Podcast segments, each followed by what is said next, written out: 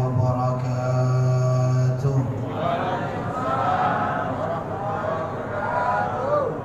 الحمد لله رب العالمين. الذي هدانا لهذا وما كنا لنهتدي لولا أن هدانا الله. نحمده ونستعينه ونستغفره. ونعوذ بالله من شرور أنفسنا ومن سيئات أعمالنا. من يهد الله فلا مضل له ومن يضلل فلا هادي له. أشهد أن لا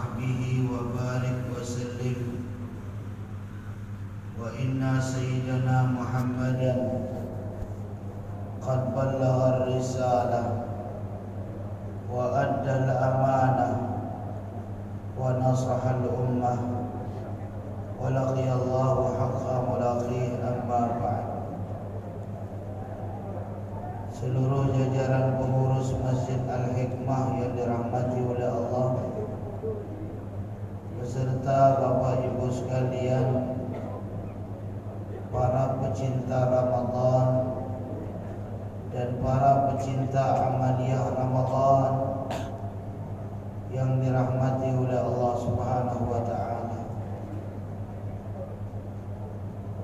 Kita bersyukur kepada Allah yang telah memberikan kepada kita nikmat yang tiada hingga yang telah memberikan kepada kita nikmat iman dan Islam. Yang telah memberikan kepada kita nikmat sehat walafiat dan keberkahan umur. Yang telah memberikan kekuatan kepada kita. Sehingga kening ini bisa untuk sujud kepada Allah di bulan Ramadhan yang telah memanggil hati kita untuk selalu merasa dekat dengannya melalui wasilah daripada bulan Ramadhan.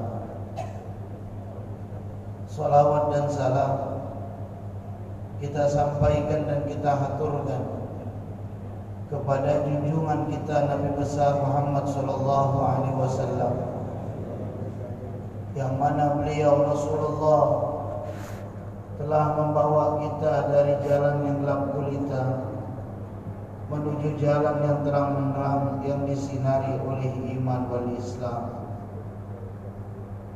Bapak Ibu sekalian yang dirahmati oleh Allah.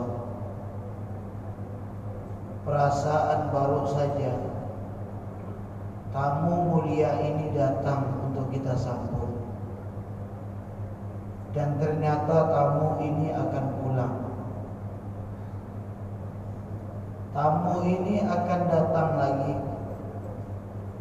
Tapi apakah kita akan bertemu lagi? Kita tidak ada yang tahu. Maka orang-orang yang beriman kepada Allah tiada henti tetesan air mata mereka di penghujung dengan perpisahan Ramadan ini selalu jatuh. Mereka rindu dengan bulan Ramadan. Al-wada ya syahr Ramadan. Selamat jalan wahai bulan Ramadan. Al-wada ya syahr rahmah. Selamat jalan wahai bulan yang penuh dengan rahmat. Al-wada ya syahr al-maghfirah. Selamat jalan wahai bulan yang penuh dengan pengampunan Allah. Al-wada Selamat jalan wahai bulan Ramadan yang di dalamnya dibebaskan oleh Allah Subhanahu wa taala daripada hamba-hambanya ke dalam api neraka.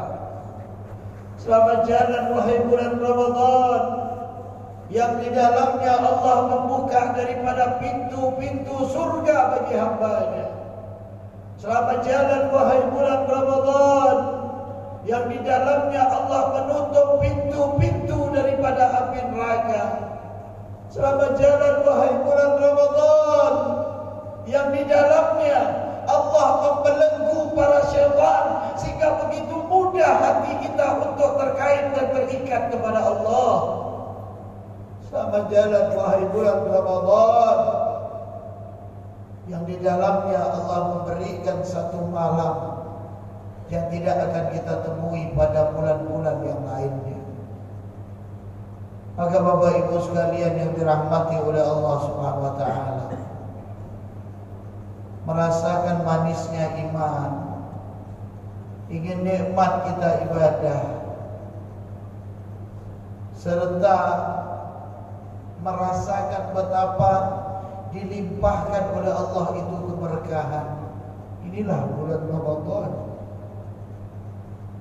Ada mungkin di antara kita yang di luar Ramadan begitu sulit mereka melangkahkan kaki ke masjid.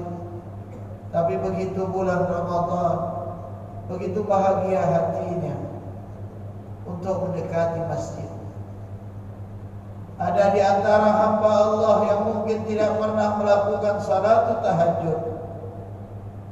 Tapi ketika bulan Ramadan Mereka berkumpul untuk melakukan salat tahajud. Ada di antara hamba Allah yang mungkin tidak pernah berniat dalam itikaf. Dan ternyata di bulan Ramadan mereka berkumpul beritikaf dengan tujuan takarruf kepada Allah Subhanahu wa taala. Maka di sini dilimpahkan oleh Allah keberkahan di bulan Ramadan.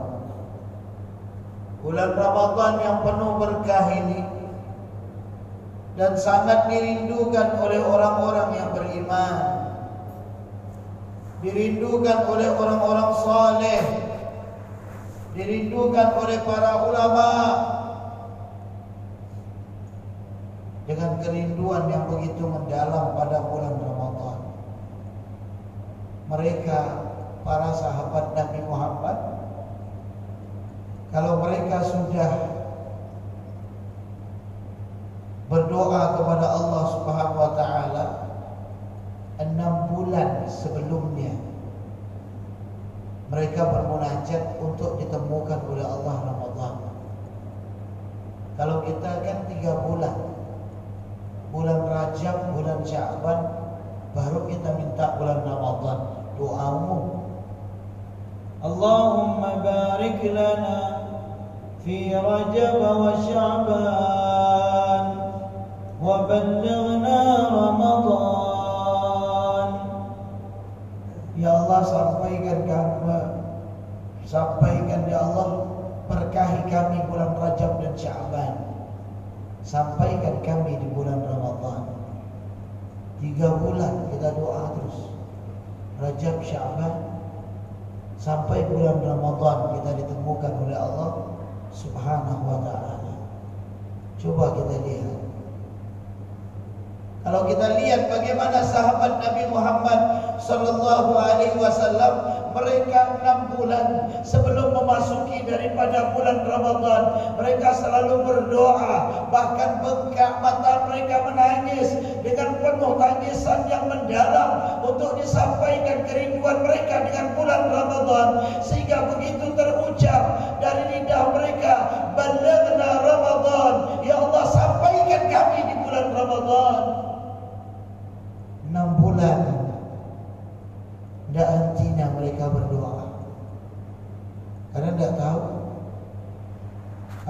kita adalah bagian orang yang bertemu dengan Ramadan kembali atau mungkin tidak.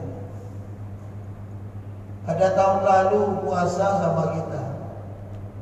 Ternyata tahun ini telah dipanggil oleh Allah.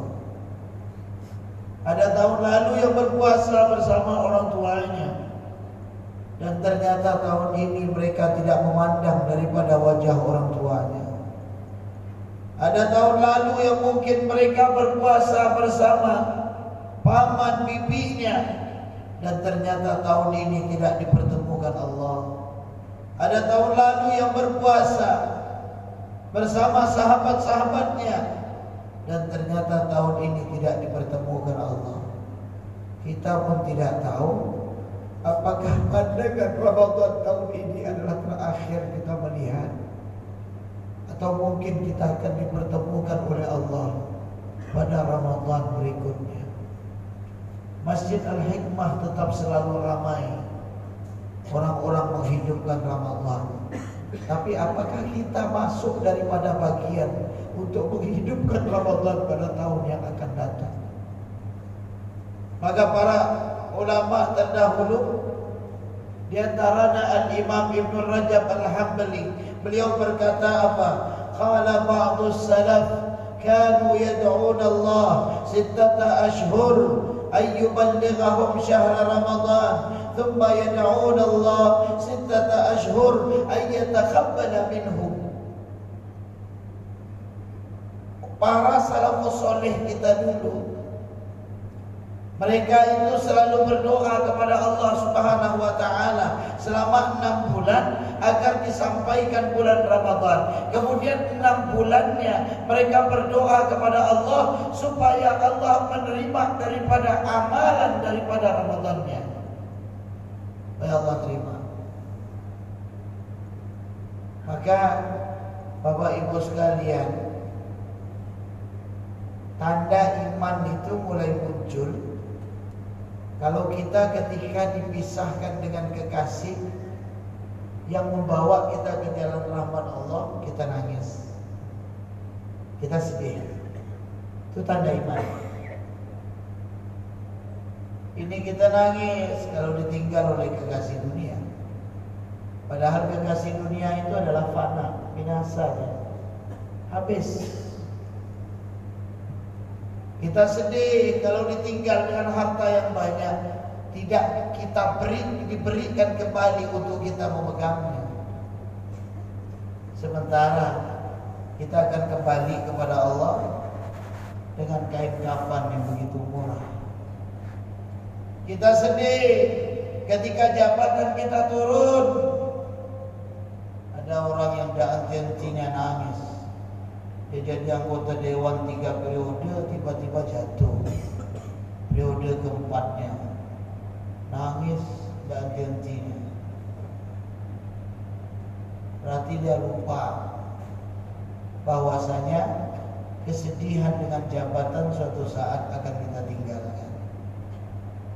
Kalau bicara masalah jabatan dunia Yang paling hebat itu Fir'aun Fir'aun itu betapa besar dalam kerajaannya. Pengikutnya yang luar biasa. Fir'aun betapa banyak nikmat yang diberikan oleh Allah Subhanahu wa taala. Banyak nikmat Fir'aun itu. Cuma dia tidak bersyukur. Fir'aun tidak pernah sakit Bapak Ibu. Dah pernah. Langsung mati dia Jadi kalau bapak ibu ketemu ada orang yang bangga Dan tak pernah sakit Saya dari kecil sampai tua Dia tak pernah sakit. Tinggal bapak ibu jawab Astagfirullah Jangan-jangan inti sudah Fir'aun Itu tak pernah sakit. Ya. Apalagi buang air besar. BAP itu Fir'aun setiap 40 hari satu kali. Bayangkan 40 hari satu kali Sehingga dia ngaku menjadi Tuhan. Faqala ana Rabbukumul a'la. Fir'aun mengatakan Saya adalah Tuhan kalian yang paling tinggi. Jadi Fir'aun itu hatinya keras.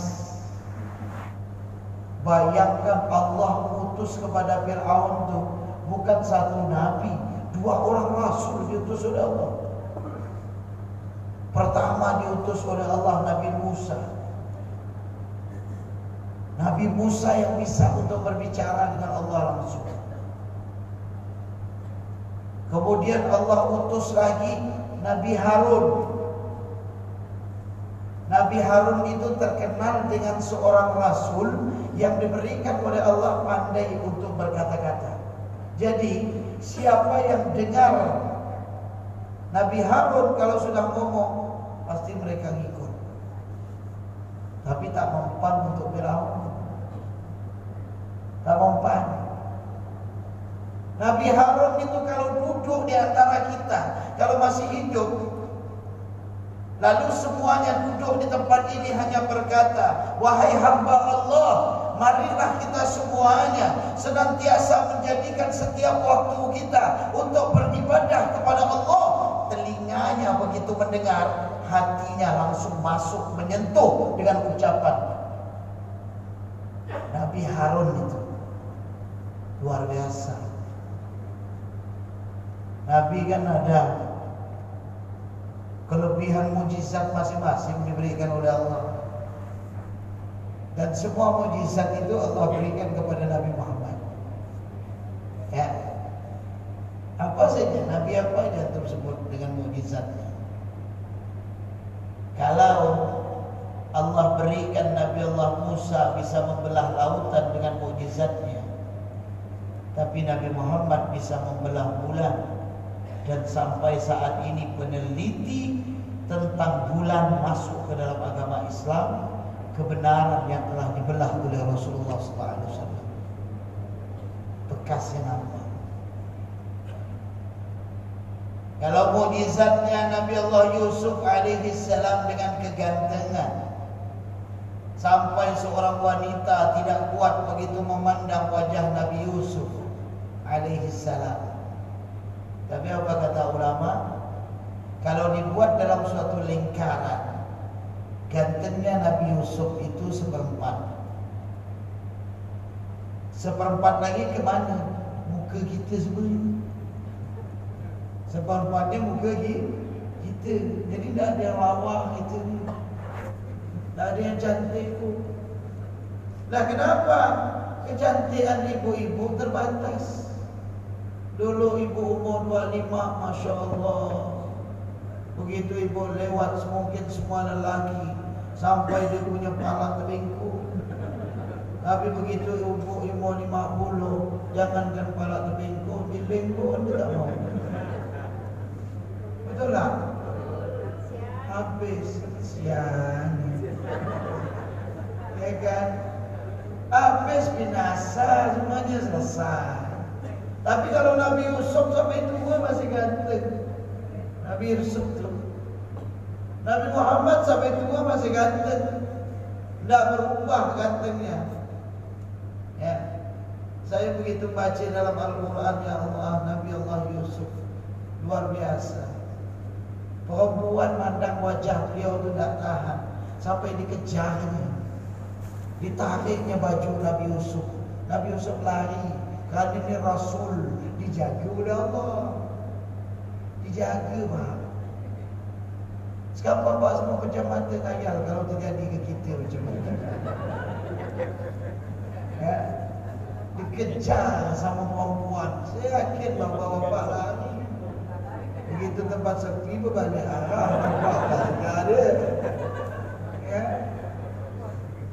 Sampai malu tu. Sang wanita itu malu dikumpulkan wanita Mesir. Disuruh duduk disiapkan pisau dengan buah-buahan. Setelah itu dipanggilnya Nabi Allah Yusuf. Keluar wahai Nabi Yusuf. Begitu wanita itu memandang pisau di tangan mereka, memandang wajah Nabi Yusuf, apa kata Allah dalam Quran? Wa qatta'na aydiyahunna. Itu dalam bahasa Arab, banyak yang pandai bahasa Arab di sini, ya. Kalau digunakan qata'ah dengan tanpa tad'if ya wazannya bukan wazan fa'ala tapi wazan fa'ala. Maka sekali potong saja. Wa qata'na berarti sekali. Tapi kalau diwazankan dengan fa'ala qata'a artinya adalah begitu mereka memandang wajah Nabi Yusuf alaihi salam terpotong-potong tangan dia tu kalau bahasa Melayu kita tu teriris-iris tangan tu tak sadar. Allah. Coba Bapak Ibu, macam mana ganteng itu? Ya. Saya tu terang tak pernah. Orang mandang sesampai sampai itu anak saja. Sampai itu yes. Yang ada malah pisau melayang. Ha, subhanallah. Kawan dia kata bapak-bapak banyak solawat. Memang ada seorang ulama. Seorang ulama. Itu yang punya wajah bukan lagi nampak wajah tapi cahaya. Namanya Syekh Ahmad Al-Badawi. Saya punya nenek, adik-adik cida apa? Suaminya beradik-adik nenek saya marganya Al-Badawi. Ya. Kakek saya dari bulan cida saya As-Saywan. Ah, istrinya Al-Badawi. Pontianak masih ada marga Al-Badawi. Jadi Syekh Ahmad Al-Badawi Beliau itu tidak pernah memperlihatkan wajahnya di khalayak ramai. Sampai kalau ngajar macam ini nih, beliau pakai cadar. Bayangkan. Kalau saya ngajar tempat ini pakai cadar, saya akan terkeruk semua yang datang. ya. Dan iya. Ngapa pula Ustaz Anas tu pakai cadar? Biasa malam. Kalau malam jadi Anissa. Ya kan? Ini sampai seorang muridnya berkata, Ya Syekh, azhirna wajhak. Wahai Syekh, tampakkan kepada kami wajah engkau. Apa kata Syekh Ahmad Al-Badawi? Saya, kalian tidak bisa untuk melihat wajahmu. Begitu dilihat pingsan sang murid. Kenapa? Bukan wajah tapi cahaya. Maka ada amalan Syekh Ahmad Al-Badawi saya buktikan langsung Bapak Ibu. Ya, saya buktikan benar. Dalam kitab itu dulu waktu saya bujang saya ngamalkan ini. Waktu saya bujang, itulah yang sampai sekarang.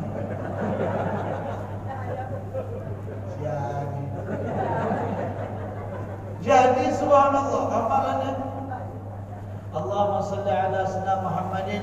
syajaratil asri nuraniyah ولمعة القبضة الرحمانية وأفضل الخليقة الإنسانية وأشرف الصورة الجسمانية وبحر الأسرار الربانية وخزائن العلوم الاصطفائية صاحب القبضة الأصلية والبهجة السنية والرتبة العلية. إلى من؟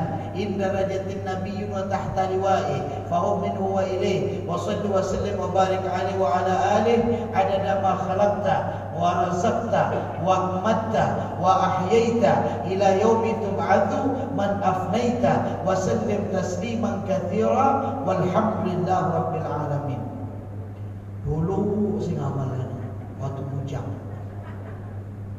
benar Bapak Ibu satu hari saya baca 100 kali selama 41 hari terkejut saya Bapak Ibu perempuan datang betul saya tak pernah cerita dia macam ni lah saya cerita. Kejut saya. Dia sampai bilang, Ustaz, saya sudah coba untuk melupakan wajah anda. Semakin saya pejamkan mata, seakan-akan antum ada depan saya. Antum saya. Mana? Macam mana cerita? Begitu. Oh banyak-banyak istighfar. Sudah istighfar banyak. Tapi entah kenapa Ya Allah Saya ingat ni amalan selawat Syekh Ahmad Al-Badawi. Habis tu sampai sekarang Tak pernah saya amalkan lagi. Ya, Tapi imbas masih Tengok tu Allah beri Allah berikan Maka luar biasanya Syekh Ahmad Al-Badawi saya waktu situ saya bacakan selawat. Ini bulan puasa, saya tak nak bohong. Memang kisah terjadi ini bukan bulan-bulan. Ya. Luar biasa. Amalan itu tu saya baca. Ya. Itu saya baca. Am itu saya saya tak saya belum mau nikah itu saya jangan saya panggil ibu ya biar rasa tua. Tapi memang tu mah. Jadi Masya Allah Diberikan oleh Allah Subhanahu Wa Taala melalui amalan rasa terbayang kalau ini saja diberikan oleh Allah suatu keindahan dibalik daripada selawatnya Syekh Ahmad Al-Badawi bagaimana lagi Rasulullah sallallahu alaihi wasallam? Yang kita selawat kepada beliau. Ya. Gimana keindahan kita ketika berselawat kepada Nabi Muhammad sallallahu alaihi wasallam? Sehingga Bapak Ibu sekalian orang yang rajin selawat itu sejamin lebih baik daripada pedang yang dia pakai selawat dia terus perhatikanlah ada orang dulu mukanya gelap. Begitu ikut selawat tetap gelap. Tapi ditengok suka. Bukan berarti langsung putih kalau memang ikut majlis selawat lalu putih sih. Saya lah orang terdepan dia mahu ngajar kan itu luar itu. Ngajar nopal lah itu tiga. Ha. Kalau memang tapi bukan itu. Begitu orang yang rajin selawat itu Allah munculkan kemanisan yang ada di wajahnya sehingga begitu orang melihat itu senang. Coba lihat guru-guru yang melazimkan selawat itu. Coba lihat. Habib Umar bin Hafiz gurunya Ustaz Syuuti padahal kulit beliau tidak putih.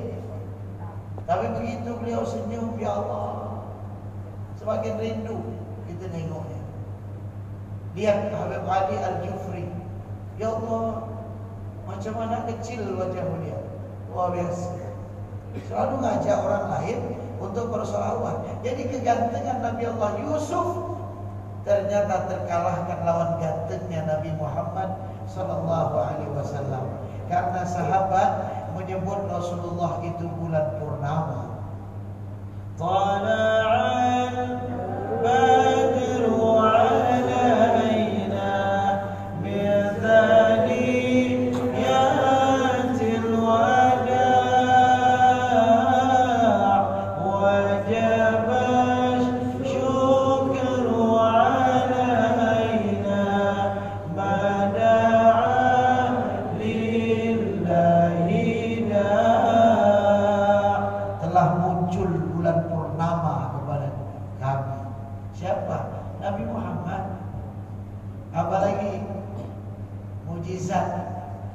Nabi Daud suaranya luar biasa Nabi Daud. Nabi Daud tu kalau dah sekali keluarkan suara burung yang lewat berhenti. Bayangkan tu. Kalau burung berhenti apa ke manusia gitu lah. Sakit indahnya suara Nabi Daud tu. Ya. Masih ada empat amalan Nabi Daud. Ya, ya, kasih. Rugi saya kasih. Ya. Nabi Daud tu. Kita kalau berteriak mana ada burung berhenti. Kalau memang saya begitu ngaji, lalu burung masuk sampai dalam masjid ini telefon. Indah. Ar-Rahmanu 'allaman Qur'an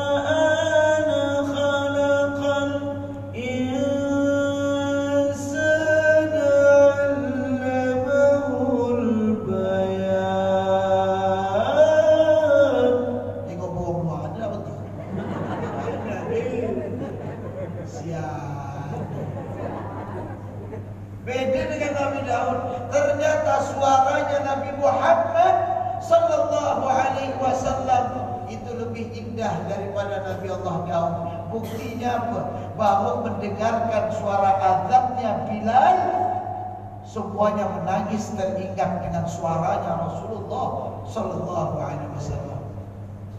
Ingat.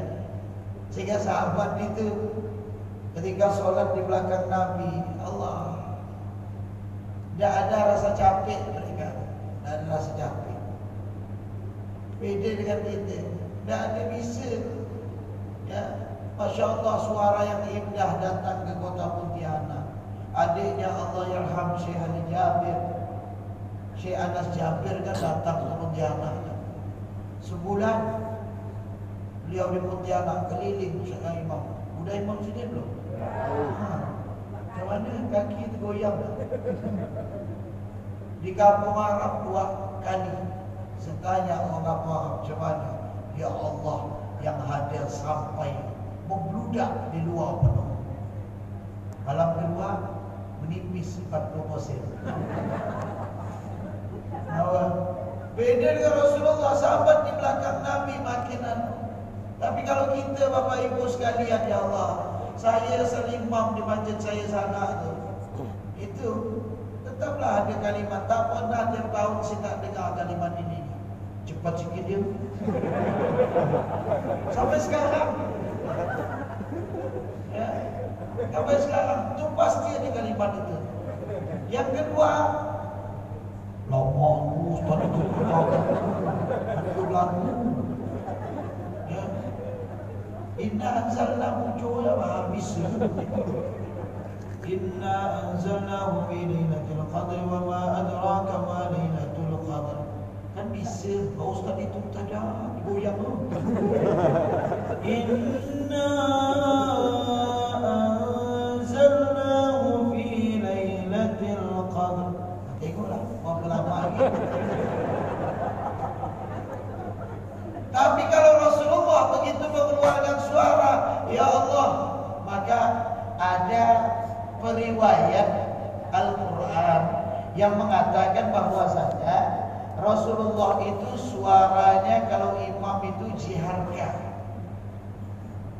jihad kad macam mana jihad kad ya, yang lagi popular anak-anak muda zaman sekarang tu. Ah, Itulah tu jihad kad bismil. Macam mana ya?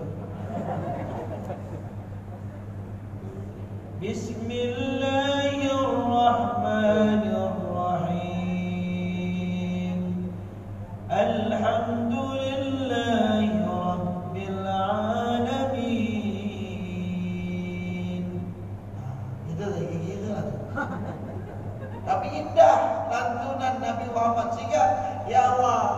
Kita sampai kaya Bagaimana kalau andai kata Rasulullah SAW yang menjadi imam di depan kita.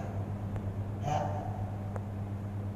Saya panggil Syekh Jabir tiga hari di masjid Arif Mayu. Beliau imam. Macam mana cara menguatkan jamaah? Saya bilang para jamaah, antum niatkan bahawa antum ini solat di masjid Nabawi. InsyaAllah tidak terasa capek. Ramai pula Tapi saya tak solat di situ. Dia jadi imam empat lain. Sana pun tu nak solat saya dia jadi wali imam empat lain. Sedangnya dah sepuluh selesai. Masya Allah. Apalagi semua diberikan komplit kepada Nabi Muhammad Sallallahu Alaihi Wasallam. Lalu kekayaan Nabi Sulaiman tidak diberikan kepada Rasulullah. Siapa bilang? Kalau Rasulullah itu miskin dalam hal ibadah tapi tidak di dalam hal dunia, tapi dalam hal ibadah Rasulullah itu kaya. Siapa bilang Rasulullah miskin?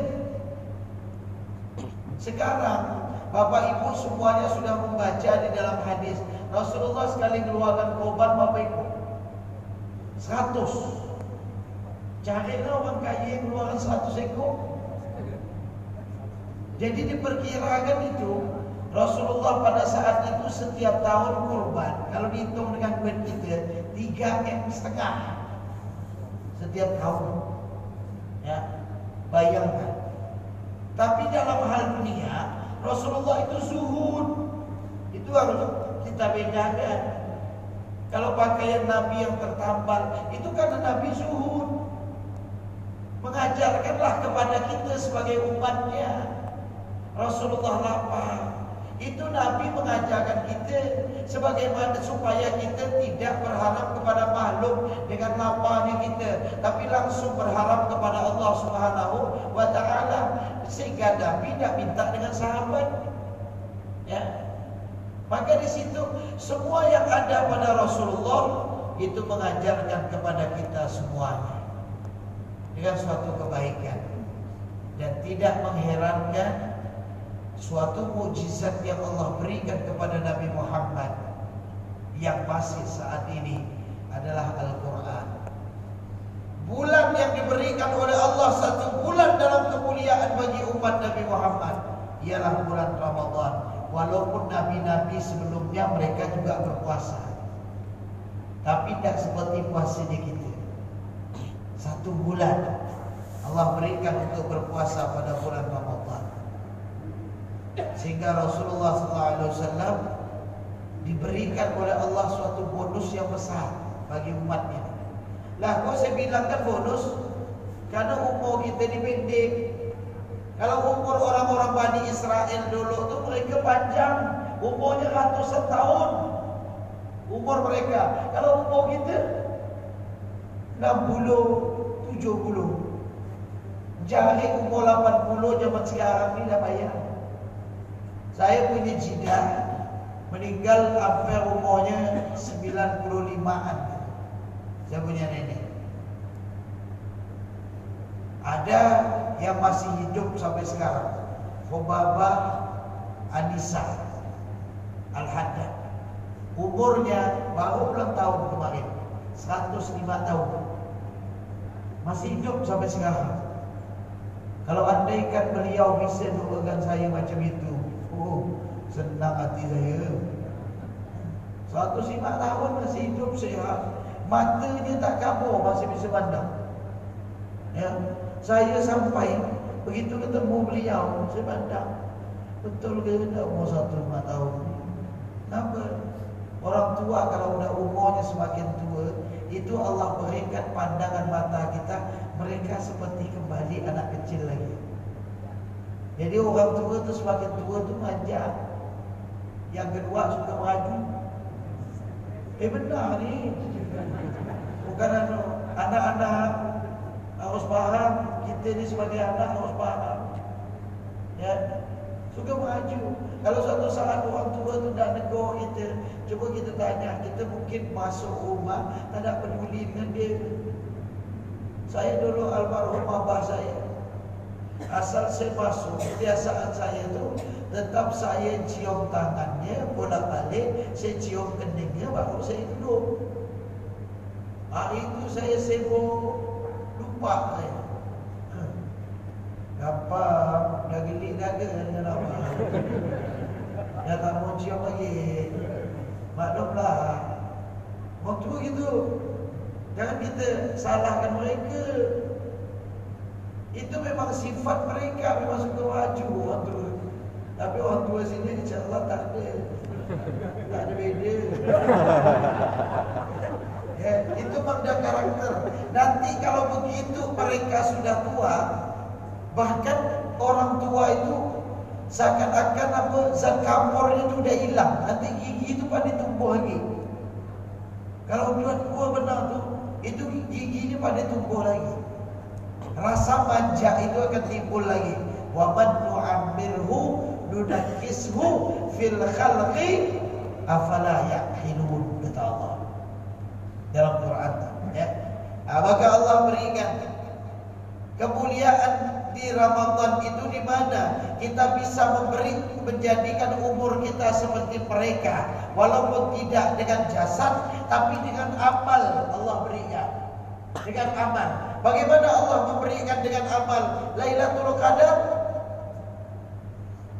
Lailatul Qadri khairum min alfi syahr. Malam Qadar itu lebih baik daripada seribu bulan. Lailatul Qadar itu lebih baik seribu bulan. Artinya apa? Kita ibadah satu malam itu sama dengan 80-an tahun satu kali Ramadan. Kalau 10 kali kita dapat Ramadan sama dengan ibadah 800 tahun. Masya Allah. Bagaimana mungkin ini tidak menjadi kasih sayang Allah? Bahkan dah heran kita semuanya bersedih dengan perpisahan Ramadan. Apa kata Al-Imam Ibn Rajab Al-Hambali?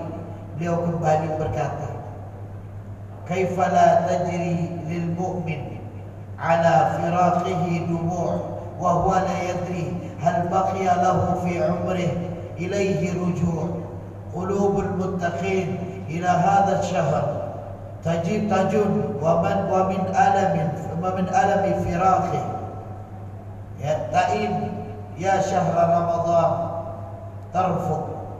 دموع المحبين. تنفق. قلوبهم من ألم الفراق. تشقق. Apa kata beliau? Kata Imam Ibn Rajab barang siapa bisa seorang mukmin itu tidak meneteskan air mata ketika berpisah dengan Ramadan. Artinya bagaimana bisa kita tidak meneteskan perpisahan Ramadan tu? Tidak akan mungkin. Seorang mukmin itu. Karena kenapa kata beliau? Sedangkan ia tidak tahu apakah masih ada sisa umurnya untuk berjumpa lagi dengan bulan Ramadan. Apakah masih ada? Jadi jangan terlalu mengancam tahun yang akan datang. Nikmati apa yang ada pada saat ini sehingga kita bisa menjadikan saat yang akan datang adalah suatu bekal amal persiapan kita di hadapan Allah.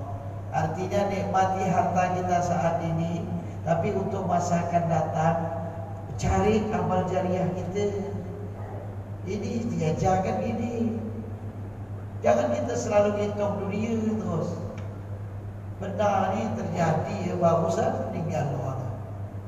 Ya. Hospital Kawan saya Ustaz tu ketemu dengan beliau. Dari awal ngomong sampai habis Itu tak lain dunia semua dia ngomong. Dah tua dah. Dia bilang tanah sini 50 hektar Ustaz. Ini nanti saya buat wisata. Saya buat tempat silo. Saya buat ini, saya buat ini. Pokoknya dari awal. Cubalah dalam hati saya Allah. Cubalah 50 hektar tu. Ambillah 2 hektar. Ini 2 hektar ni untuk pesantren. Misalnya, tak ada.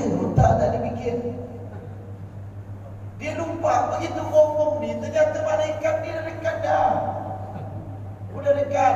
Tak macam mana yang terjumpa malaikat tu. Dua hari setelah dia ngomong meninggal buat itu tu. Dua hari setelah ngomong. Jadi kau kita bayangkan begitu dia ngomong. Malaikat ni Ya kau. Ya. Kau buat nama puluh hektar tu. Kau siapkan lubang apa meter untuk kau masuk meninggal.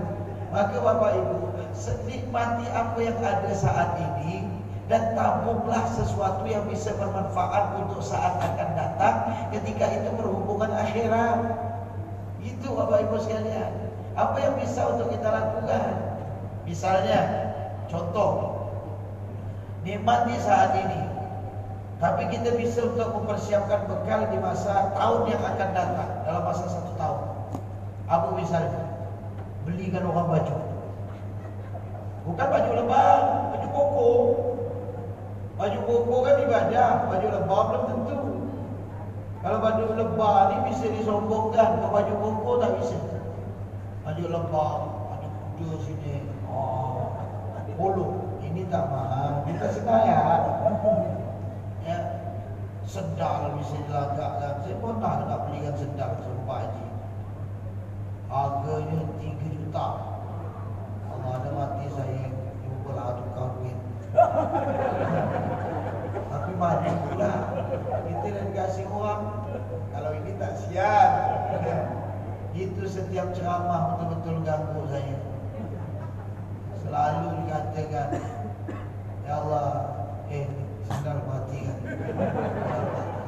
Artinya apa? Dunia merosak kita ya. Kadang dunia tu merosak kita Maka hati orang yang bertakwa Yang mencintai bulan Ramadan Mereka pasti akan bersedih Karena pedihnya berpisah dengan bulan Ramadan. Maka Bapak Ibu sekalian Kita senantiasa berkata Ayo kita resapkan di dalam hati kita. Kita pejamkan mata kita penuh dengan kerinduan bulan Ramadan. Mendekatlah Mendekatlah ya Ramadan Maka berderai air mata para pecintamu wahai Ramadan Terpecah hati mereka karena perihnya Berpisah denganmu wahai Ramadan Maka semoga perpisahan ini mampu untuk memadamkan api kerinduan yang membakar kita semuanya. Semoga masa bertobat dan berhenti kita berbuat dosa mampu memperbaiki puasa kita yang ada bocornya. Dan semoga kita termasuk dalam suatu rombongan yang diterima oleh Allah Subhanahu wa taala.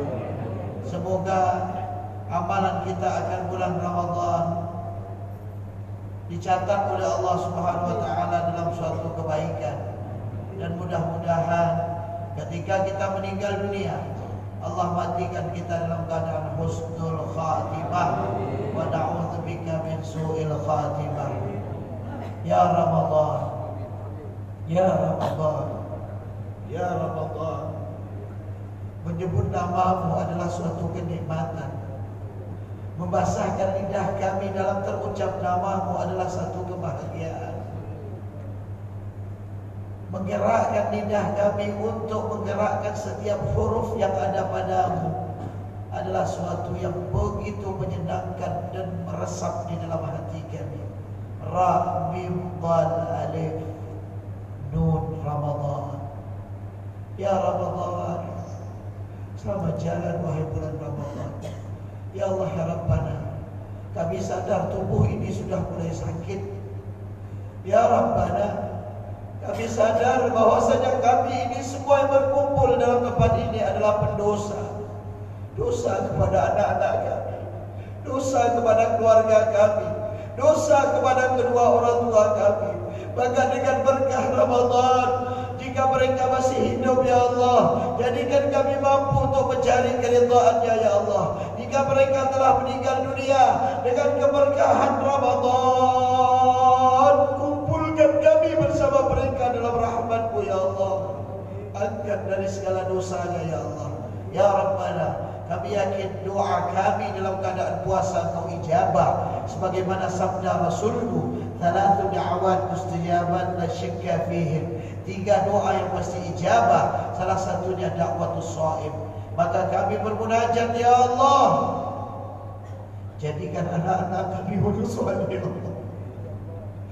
jadikan anak cucu kami orang-orang yang saleh dan salehah jadikan mereka orang-orang yang alim dan alimah jadikan mereka menghafal Quran ya Allah jadikan mereka yang meneruskan daripada syiar Nabi Muhammad Selamatkan mereka ya Allah dari narkoba, minuman keras dan dari segala maksiat ya Allah. Kau yang maha mengabulkan doa.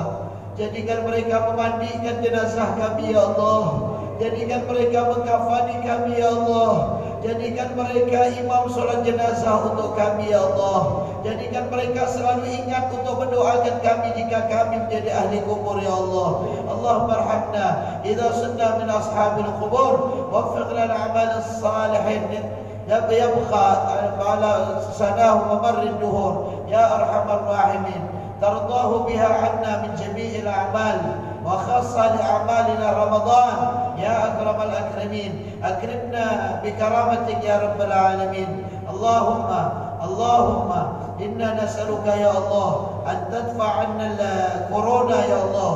يا الله ادفع عنه يا الله. ادفع عنه يا الله. فإنك دافع البلاء.